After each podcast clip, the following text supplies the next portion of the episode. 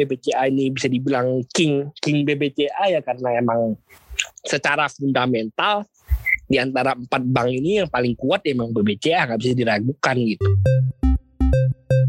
Mandiri ini next ini dia tuh bakal bakal jadi bank dengan aset terbesar se Indonesia.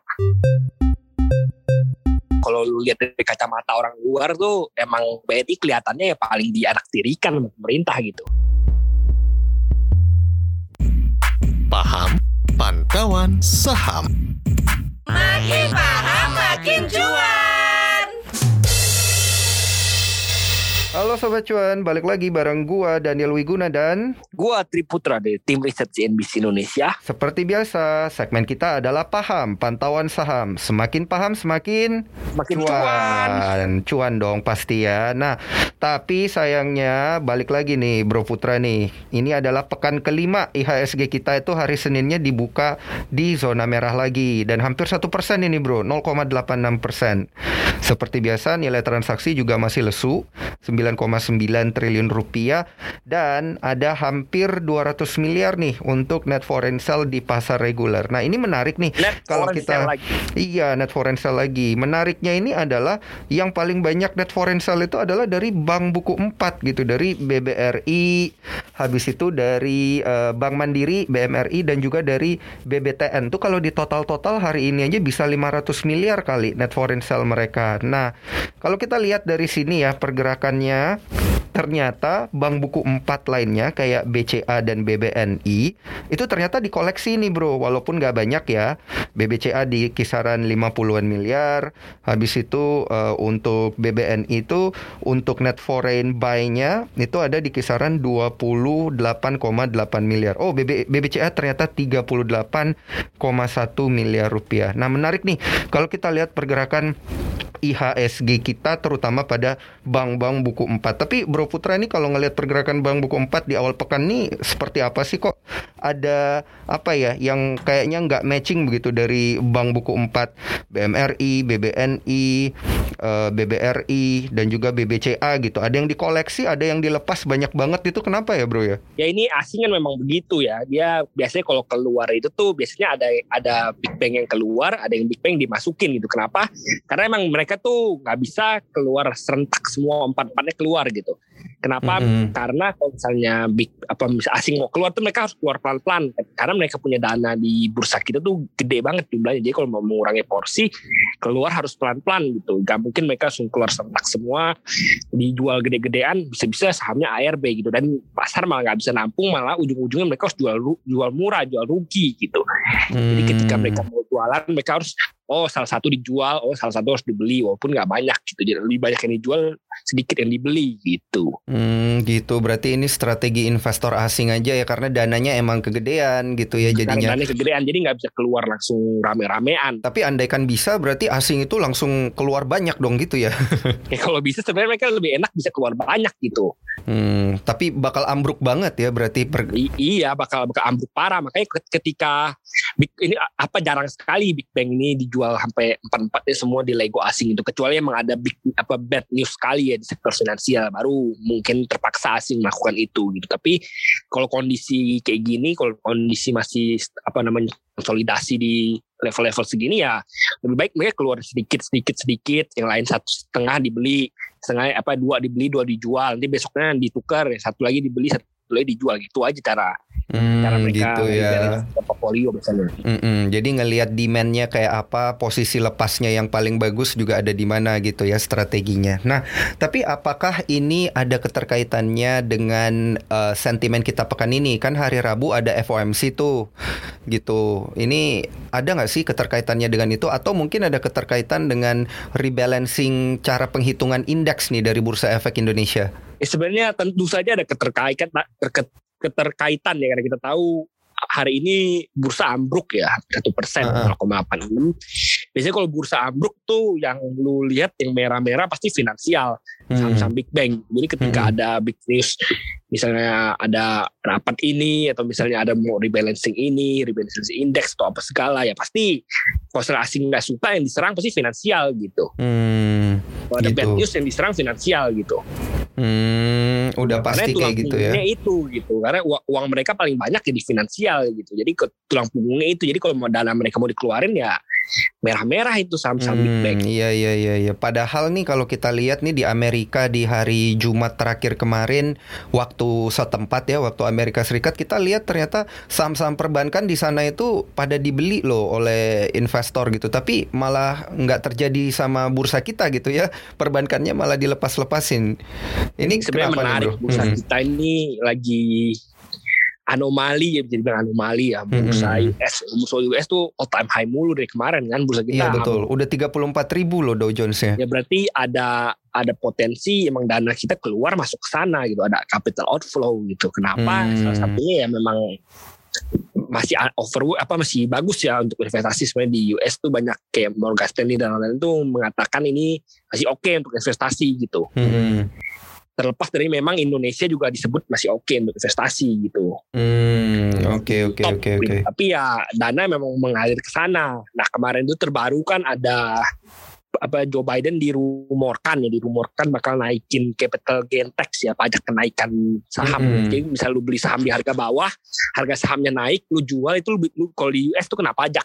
Hmm, Kalau kita udah udah final kan, hmm, kita cuma kena pajak penjualan doang. Kalau di US tuh lu saham lu harganya naik, nah lu kena capital gain tax gitu. Jadi hmm, emang investasi di sana tuh lebih banyak pajaknya gitu. hmm, Nah ini gitu. katanya pajaknya mau dinaikin hampir dua kali lipat gitu. Hmm, Kalau dinaikin dua kali lipat ada potensi sebenarnya ada potensi capital outflow. Jadi dana dari mereka ke- keluar karena udah nggak menarik pajaknya baik gede di sana ada potensi Mm-mm. masuk ke dalam negeri gitu. hmm. Tapi ya sampai sekarang nggak kelihatan ada capital outflow-nya gitu. Jadi ya masih cuman berharap-harap aja lah itu artinya kan. Mm-mm. Karena belum ketok palu kali ya bro ya. Ya satu belum ketok palu, karena satu masih rumor aja gitu. Mm-mm.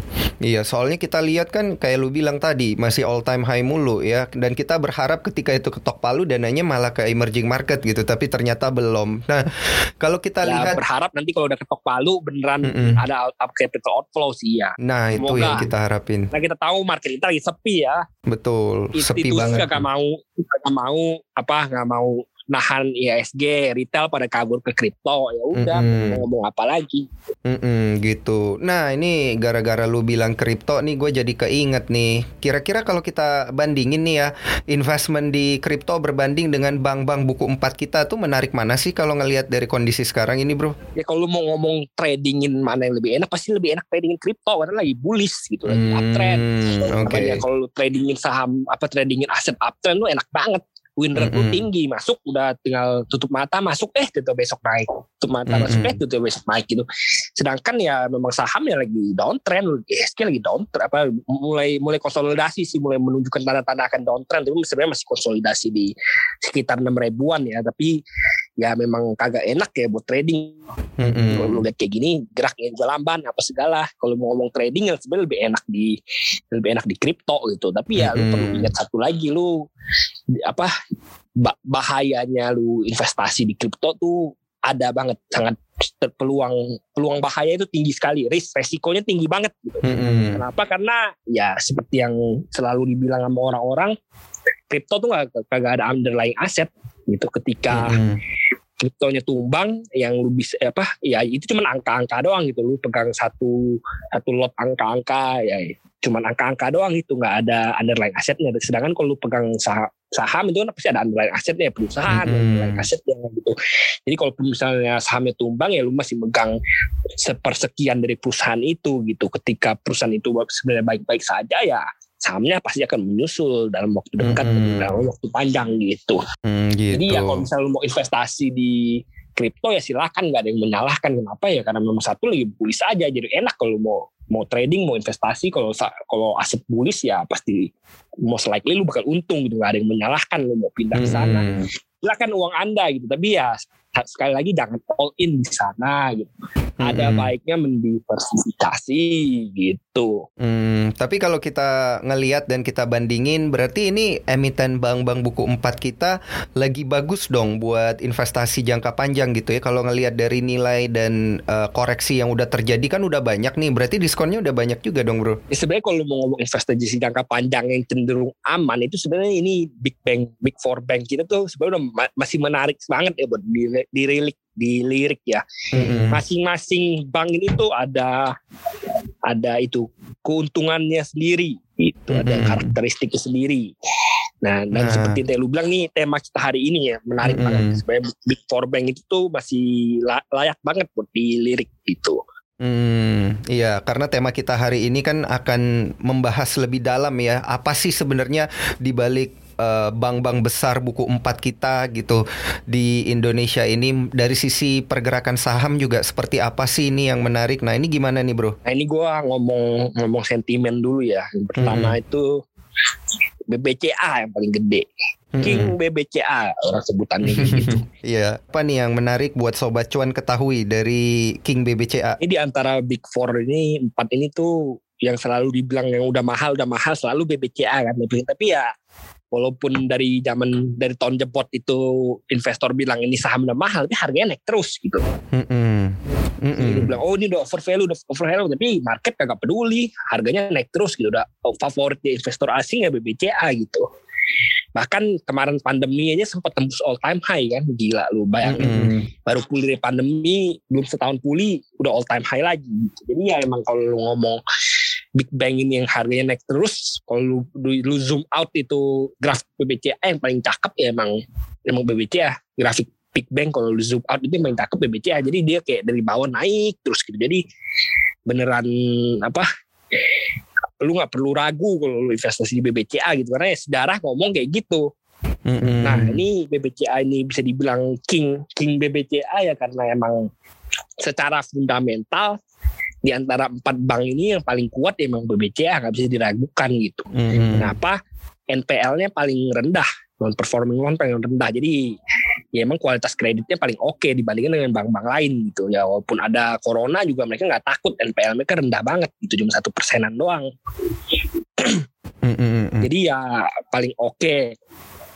Lalu ini dana murah mereka juga paling paling bagus. CASA ya current account saving account tuh dan itu jadi apa dana murah yang bisa didapatkan oleh perse, oleh bank ya. Jadi misalnya lu cuman nabung gua apa kayak lu cuman taruh uang sementara doang di itu apa tabungan biasa gitu bukan deposito atau lain sebagainya kan itu kan dananya cukup tinggi ya. Cost of fundnya untuk banknya kan tinggi kan. Tapi kalau cuma nabung biasa kan banknya apa bunganya kecil gitu. Jadi itu yang paling gede emang BBCA gitu. Kenapa? Karena ya semua orang juga nabungnya di BCA kayak lu juga mungkin nabungnya di BCA kali ya Mm-mm. siapa Iya, siapa iya. siapa nabungnya juga emang di BCA karena emang paling terkenal paling gede paling mudah diakses Mhm. kalau mau narik ATM ATM ada di mana-mana gitu. dan banyak Jadi kan diskonnya. emang Jadi iya promo ya. kan emang bank bank itu kan emang bisnis bisnis kepercayaan ya Iya. Iya.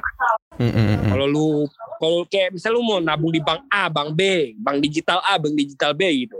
Walaupun hype banget harga saham naik terus, tapi lu belum tentu mau nabung di situ. Kenapa? Ya karena lu nggak percaya sama bank itu. Mending gue taruh tabungan gua- uang gua di tempat yang aman gitu. Ya di mana ya di BCA gitu paling aman biasanya. Hmm, oke oke oke oke. Nah, ini Gitu kalau dong. dari dari sisi itu kan tadi dari sisi fundamental perbankannya sendiri. Nah, kalau kita langsung bahas saja nih dari sisi technical bankingnya nih gimana nih, Bro? Karena kan kalau kita lihat candle hari ini tuh pola dua candlenya piercing loh. Berarti mau turun dikit nih. Ya sebenarnya kalau mau ngomongin dalam jangka dekat, eh, apa dalam short time ini ya Mm-mm. lu nggak bisa ngomong oh ini ini apa lu nggak bisa berharap dia bakal tembus all time high lagi dalam satu atau dua bulan kalau untuk Ah. BBCA ya tapi kan tadi kan lu ngomonginnya kan buat investasi jangka panjang ya paling ya memang masih oke BBCA terlepas dari investor yang bilang harganya udah mahal tapi emang masih oke gitu buat investasi gitu jadi kalau lu mau ngomong kalau mau ngomong mau koleksi ya silahkan tapi selalu eh, bertahap koleksi dan lu all in satu harga gitu Hmm, karena ya memang dari teknikal ya juga masih belum oke-oke amat gitu hari ini juga hmm. Marubozu kan Marubozu ya di Black Marubozu Mm-mm. Black Marubosu terus kalau pola dua candle kan piercing nih karena kan udah lebih dari setengah candle. emang nggak itu emang emang emang kalau short term ya Mm-mm. ya emang belum lagi belum berpihak dananya Mm-mm. masih di kripto Oke Kalau oke. mau mau mau cicil beli pelan pelan cicil beli cicil beli cicil beli ya udah Mm-mm.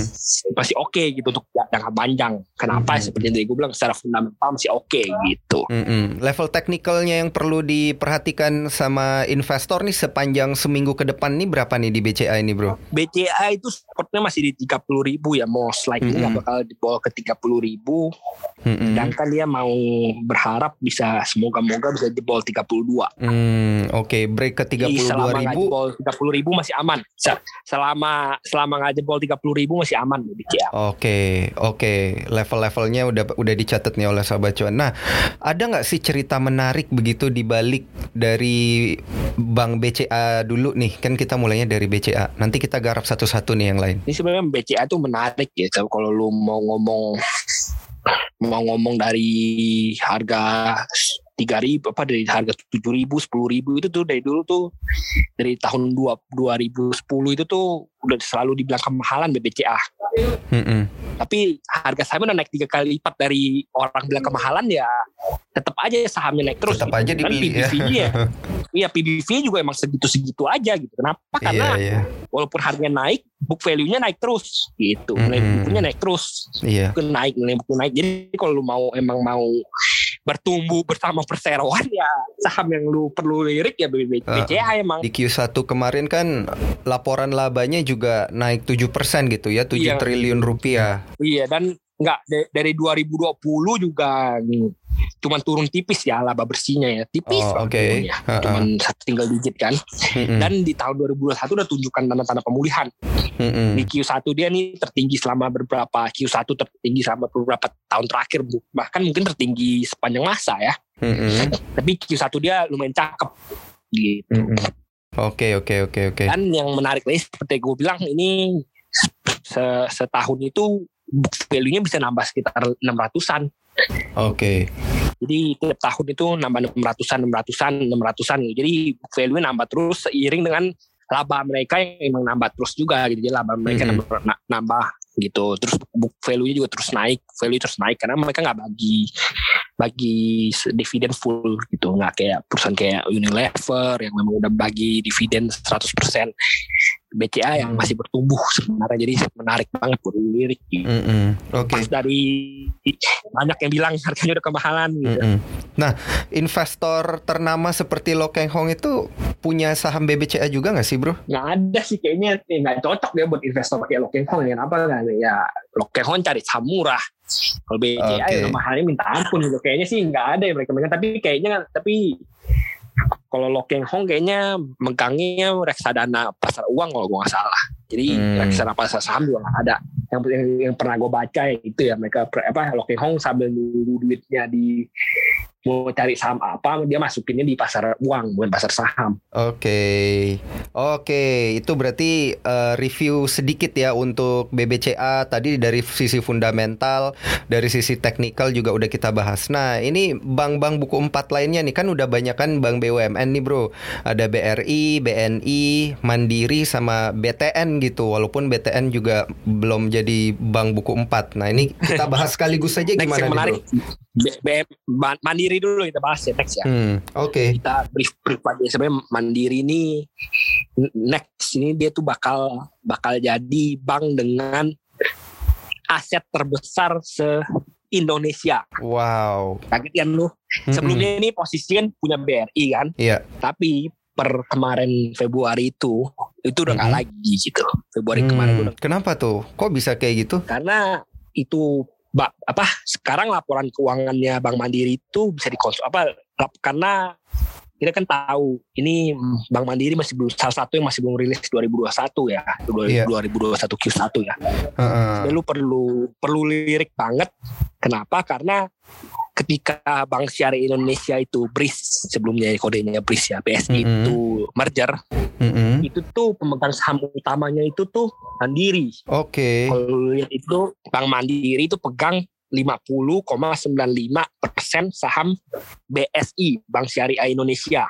Mm-mm. Nah, jadi sebenarnya kalau misalnya nanti laporan keuangannya BSI dikonsolidasikan ke laporan keuangannya Bank Mandiri itu bisa itu. Jadi Bank Mandiri apa aset-aset Bank BSI ini itu bisa masuk ke laporan keuangannya B- BMRI gitu, ngerti nggak? Wow, berarti uh, bukan ja, bukan BBRI ya yang bakal jadi bank dengan aset terbesar lagi gitu. Nanti bakal digeser sama BMRI nih gara-gara laporan keuangannya BRIS itu konsolidasinya justru ke Mandiri gitu ya.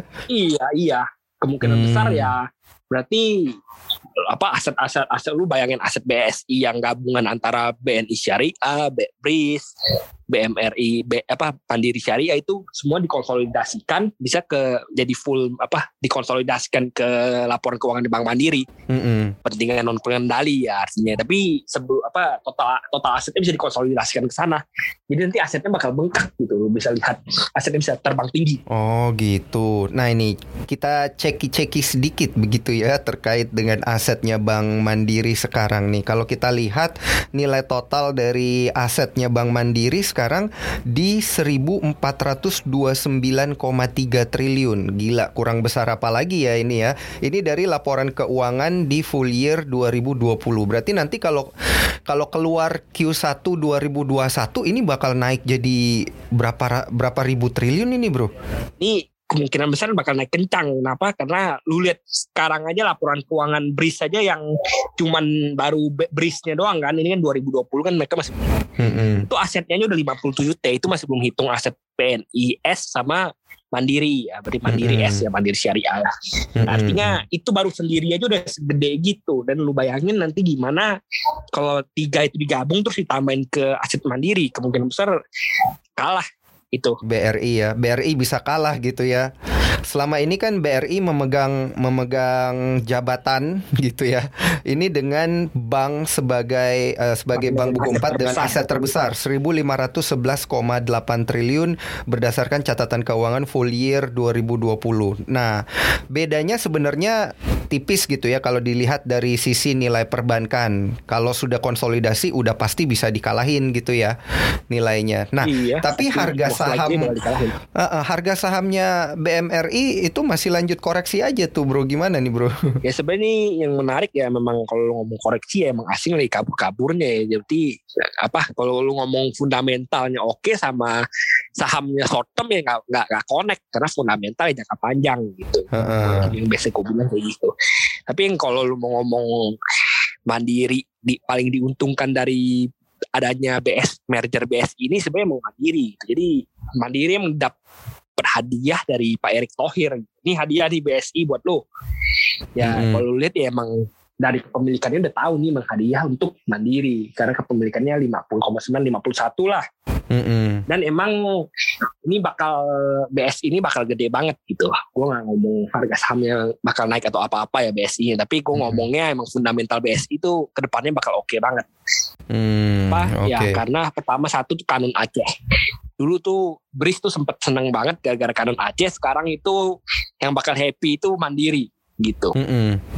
Oh gitu. terus next itu tuh next itu tuh ini BSI ini itu tuh Uh-uh. bakal jadi bank syariah terbesar di RI dari segi aset, DPK dan pihak ketiga, pemberian kredit dan lain-lain Mm-mm. apa semuanya gitu. Mm-mm. Jadi ini jadi rajanya syariah nanti di Indonesia dan dan emang Indonesia kan negara dengan penduduk muslim terbesar di dunia gitu. Jadi ya bangsa bangsanya bangsa syariah itu masih gede banget gitu, masih antap market. Oke banget lah Hmm. gitu. Oke oke oke oke. Nah level teknikalnya nih yang perlu diperhatikan para sobat cuan ini di level berapa ini bro untuk Bank Mandiri? Di sepanjang pekan ini deh. Untuk Bank Mandiri lu perlu most likely sih dia nggak bakal jebol ke bawah 57 ya 57 Mhm. kuat kayaknya dia nggak bakal Mhm. jebol ke bawah situ sedangkan ada potensi balik ke atas 6000 lagi di di minggu ini Hmm, iya iya iya. iya. Ini soalnya ditutupnya bener-bener satu tik di bawah 6000 nih 5975 hari ini ya. Berarti ya ada peluang. likely minggu ini bakal di, di- balik ke 6000 gitu jadi agak susah lah dia balik apa agak susah lah dia jebol supportnya di 57 most likely dia Mhm. bakal di sekitar 6000-an ditutup di pekan ini Oke deh. Insya Allah aja ya Oke, bro, ini kita masih punya waktu kurang lebih lima menit nih untuk bahas dua emiten bank buku 4 lainnya, ada BBRI dan BBNI. Nah, gimana nih? Apa nih yang menarik dari kedua bank tersebut? Ya sebenarnya ini gue bahas BBRI dulu ya brief-brief Iya. aja ya karena Mm-mm. waktu udah singkat ntar lagi gue udah mau diusir nih. Ternyata tuh walaupun nantinya disalib BMRI dengan sebagai bank dengan aset terbesar, Heeh. ternyata tuh nggak bakal lama Mandiri megang jabatan tersebut. Lah, balik lagi gitu berarti. Iya, jadi Om Erik tuh udah siapin sesuatu buat BRI yang kehilangan Bris ini gitu. Jadi walaupun anak satunya diambil, dikasih anak baru sama Om Ete gitu. Oh, apa itu? Apa itu? Apa anaknya. Jadi ya ini dari kemarin kan udah digadang-gadang ya Om Erik tuh bakal mempersiapkan apa aksi korporasi terbesar dalam sejarah Indonesia yaitu nanti PNM dan Pegadaian tuh bakal digabung ke BBRI gitu. Jadi nantinya itu jadi holding ultramikro BBRI gitu.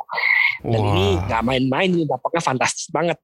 Bisa jadi simbiosis mutualisme jadi BRI ini kan emang targetnya kan apa segmen mikro ya nanti Mm-mm. selain mereka bisa jangkau segmen mikro mereka juga bisa jangkau segmen ultramikro juga gitu jadi Mm-mm. sebenarnya segmen ultramikro ini yang jangkau tuh PMN dan Pegadaian gitu Hmm. karena PNM Pegadaian ini juga diuntungkan gitu dengan adanya BRI. Jadi mereka nggak perlu terbitin obligasi lagi sebelum-sebelumnya mereka kalau mau cari dana harus terbitin obligasi. Sekarang lu udah punya bapak gitu. Jadi kalau mau cari uang ya tinggal minta sama bapak lu kan enak gitu kan. Iya, tapi simbiosis mutualisme juga gitu ya. BRI itu Iya, butuh iya. seg- segmen ultra mikro, eh, sedangkan eh, PNM dan Pegadaian ini kalau mau pendanaan juga bisa langsung minta sama bapaknya gitu ya. iya. Untuk technical dia nggak bakal apa supportnya di 4000 ya kemungkinan besar nih support yang kuat nggak bakal jebol ke situ lagi dan akan udah mau mau berusaha tembus 43 dia Hmm. usahakan dia tembus lah di pekan ini tembus ke area 43 Iya, 1300. soalnya sepanjang pekan kemarin kita juga lihat ini BBRI downtrend gitu ya kalau kita lihat pergerakan mingguannya. Banyak dinantikan oleh sobat cuan juga nih kapan nih terbangnya nih BBRI katanya. BBRI masih konsolidasi sih ya konsolidasi di area 4 ribuan ya tapi yang menarik nanti di Q3 Q4 tuh bakal ada aksi korporasi BBRI ada right isu kan berarti kan nah ini Oke. menarik banget kalau buat kulir gitu karena ya pemerintah imbreng kan masukin PNM sama pegadaian gitu jadi ini cakep banget right isunya berarti nanti perlu Mm-mm. dipantau banget lah pelaku pasar gitu Hmm, PNM sama Pegadaian konsolidasi ke BRI, BBRI ya. Berarti asetnya itu bisa naik berapa ratus triliun lagi gitu ya. Bang iya iya na- naik lagi dia bakal ngalahin Mandiri Balik ngalahin Mandiri lagi. most likely bakal lama jabatan bank dengan Ya. besar yang dipegang. Tapi ya udahlah ya sama-sama bank milik pemerintah ini ya, plat merah dua-duanya ya udahlah. Dan ini menariknya tuh Om Erik tuh emang dari dulu udah bocorin ini PNM Pegadaian udah dari dulu dibocorin dan emang dari dulu Om Erik bilang apa? Beli sahamnya nih, dari tiga ribuan ya. Heeh. Om Erik dia tuh udah bilang eh ini beli beli aja dah. Beli aja BBRI apa di, di disuruh sama Om Erik ya bukan sama saya ya. Tapi dia pernah ngomong di forum CNBC Nah ini kalau menyarankan untuk membeli saham BRI dari iya. Om Erik Thohir sendiri ya Nah ini buat para sobat cuan yang udah punya sahamnya dari harga 2 ribuan waktu itu atau 3 ribuan nih udah pada ngakak-ngakak semua nih pasti ya Dengerin cerita tentang BBRI dari lu bro Oke bro ini kita langsung lompat ke emiten Bank Buku 4 yang terakhir ada BBNI Terakhir, nih BNI Gimana aja. nih? Ha-ha. Aduh BBNI ini emang BNI ku sayang BNI ku malang. Lah ini. Kenapa? Karena- Kok ini kayaknya yang paling kasihan sih ceritanya? Ya karena emang kalau gue udah pernah ngomong sama orang BNI-nya sendiri ya, emang mereka Mhm. bilang tuh kalau lu lihat dari kacamata orang luar tuh emang BNI kelihatannya ya paling dianaktirikan sama pemerintah gitu. Hmm, kenapa itu? Tapi ya kalau lu mau ngomong gitu, sebenarnya pemerintah tuh paling paling mengandalkan BNI juga gitu. Kenapa tuh? Sebenarnya BNI sama BNI sama Mandiri kan segmennya sama ya, segmen korporasi ya gitu. Nah, jadi biasanya kat, kat, gue denger-dengar katanya Mandiri kalau ada event apa-apa nggak mau ngajak BNI, nggak mau bareng katanya. Mau ngajak apa bareng? Kalau ada event nggak mau ngajak bareng gitu. Jadi kalau ada event yang ada Mandirinya nggak Mandiri nggak mau ada BNI gitu. Oh gitu. Waduh, ini pertempuran antara pertempuran antara Bank Plat Merah ada juga ternyata ya. Ya emang kalau BNI ya belum ada sentimen positif ya, nggak ada nggak ada kayak kakak-kakaknya yang BRI kan dapat PNM Pegadaian, Mandiri dapat Bank Syariah Indonesia, ini BNI yang nggak ada gitu. Nggak dikasih apa-apa. Belum, moga-moga Pak Erik semoga-moga Pak Erik kasih juga lah, kasihan ini. Eh, gimana Tapi- gimana tuh bro? Tapi jreng-jreng kalau lu mau ngomong valuasi, lu mau ngomong fundamental secara valuasi itu paling murah BNI. Heeh. Dilihat Murah dari valuasi PBV. dan dari valuasinya PBV, P apa P- apa lu ngomong intrinsic value, intrinsic value ini yang paling paling murah ya di atas kertas ya emang BNI gitu. Berarti BNI ya maksudnya ya. Iya BNI itu paling murah gitu. Kalau kalau lihat PB bandingin aja PBV antara four big bank yang paling rendah ya pasti BNI gitu. Mm-mm. Malah masih masih di bawah satu kan BNI kan. Sedangkan bank-bank lainnya kayak Mandiri apa segala kan udah di atas satu ya. Yang Mm-mm. masih murah yang masih di bawah satu ya cuman BNI doang gitu. Mm-mm. Tapi untuk dilihat dari nilai wajarnya itu berapa sih harusnya harga BBNI ini nilai wajarnya? Gua gue pernah nulis ya ini di April 12 ini gua ada Uh-uh. ngecek nilai wajar empat bank empat bank terbesar di Indonesia gitu. Mm-mm. Yang pertama BBCA itu nilai wajarnya di 26.084. Mm. Jadi sekarang harganya sebenarnya sudah di atas nilai wajar Mm-mm. gitu. Jadi kemahalan. Tapi sekali lagi Uh-uh. seperti tadi gue bilang banyak orang udah hitung-hitung ini itu apa segala bilang ini udah kemahalan-kemahalan tapi harganya naik terus karena dia king BBCA. Oke oke. Dan sekali lagi gue bilang nih ini intrinsic valuation menggunakan Refinitiv Starman Projection Model. Jadi dari Refinitiv, bukan Mm-mm. gue yang bilang, Refinitiv yang bilang. Oke oke oke. Bank buku empat lainnya? Untuk Bank Mandiri ini harganya harga wajarnya di 9771. Mm-mm. Sekarang masih di 5975 kan. Masih ada Mm-mm. potensi cuan 3000 lebih. Kalau dia kembali ke nilai wajarnya 3700. Wah Jadi potensi cuan itu gede. Gitu. wah ini harus dicatat banget nih sama sobat cuan. Terus terus habis BMRI. Kalau BBRI ini di 4714 udah potensi cuannya udah nggak sebanyak temen-temennya ada sekitar 600 poin Uh-huh. lagi tapi ya masih oke lah karena kita meng- mengingat nanti ada aksi korporasi ya dan ini ini intrinsic value sekarang ya Intrinsic sekarang bukan bukan di masa depan atau setelah aksi korporasi tapi sebelum aksi korporasi. Jadi kita bisa menarik sekali untuk melihat aksi korporasi ini tentunya bakal meningkatkan intrinsic value-nya BRI gitu. Dan masih walaupun ruang kenaikannya sudah tidak banyak tapi masih menarik. Kenapa masih menarik? Karena masih ada aksi korporasi di kuartal ketiga, Ketiga. keempat yang siap menanti BRI. Oke. Kemudian yang terakhir. Terakhir BNI yang paling murah intrinsic valuation-nya senilai 9.150 gitu. Wow. Banyak juga nih ada tiga ribuan juga nih. Iya, dan le- lebih dari apa paling paling paling murah secara kalau mau dihitung paling murah ya memang masih BNI. Mm-mm. Kalau mau secara valuasi dibandingkan dengan harga sekarang dibandingkan intrinsic valuation paling murah memang masih BNI gitu. Jadi Mm-mm. potensial upside-nya memang masih cenderung yang paling tinggi yang masih BNI gitu. Tapi Oke. ya harganya semoga bisa ikut bisa kembali normal lagi Mm-mm. gitu. Bisa kembali normal sama kayak kondisi pandemi bisa balik normal lagi ya. Pandeminya bisa hilang gitu. Amin. Itu bisa beggar itu lu.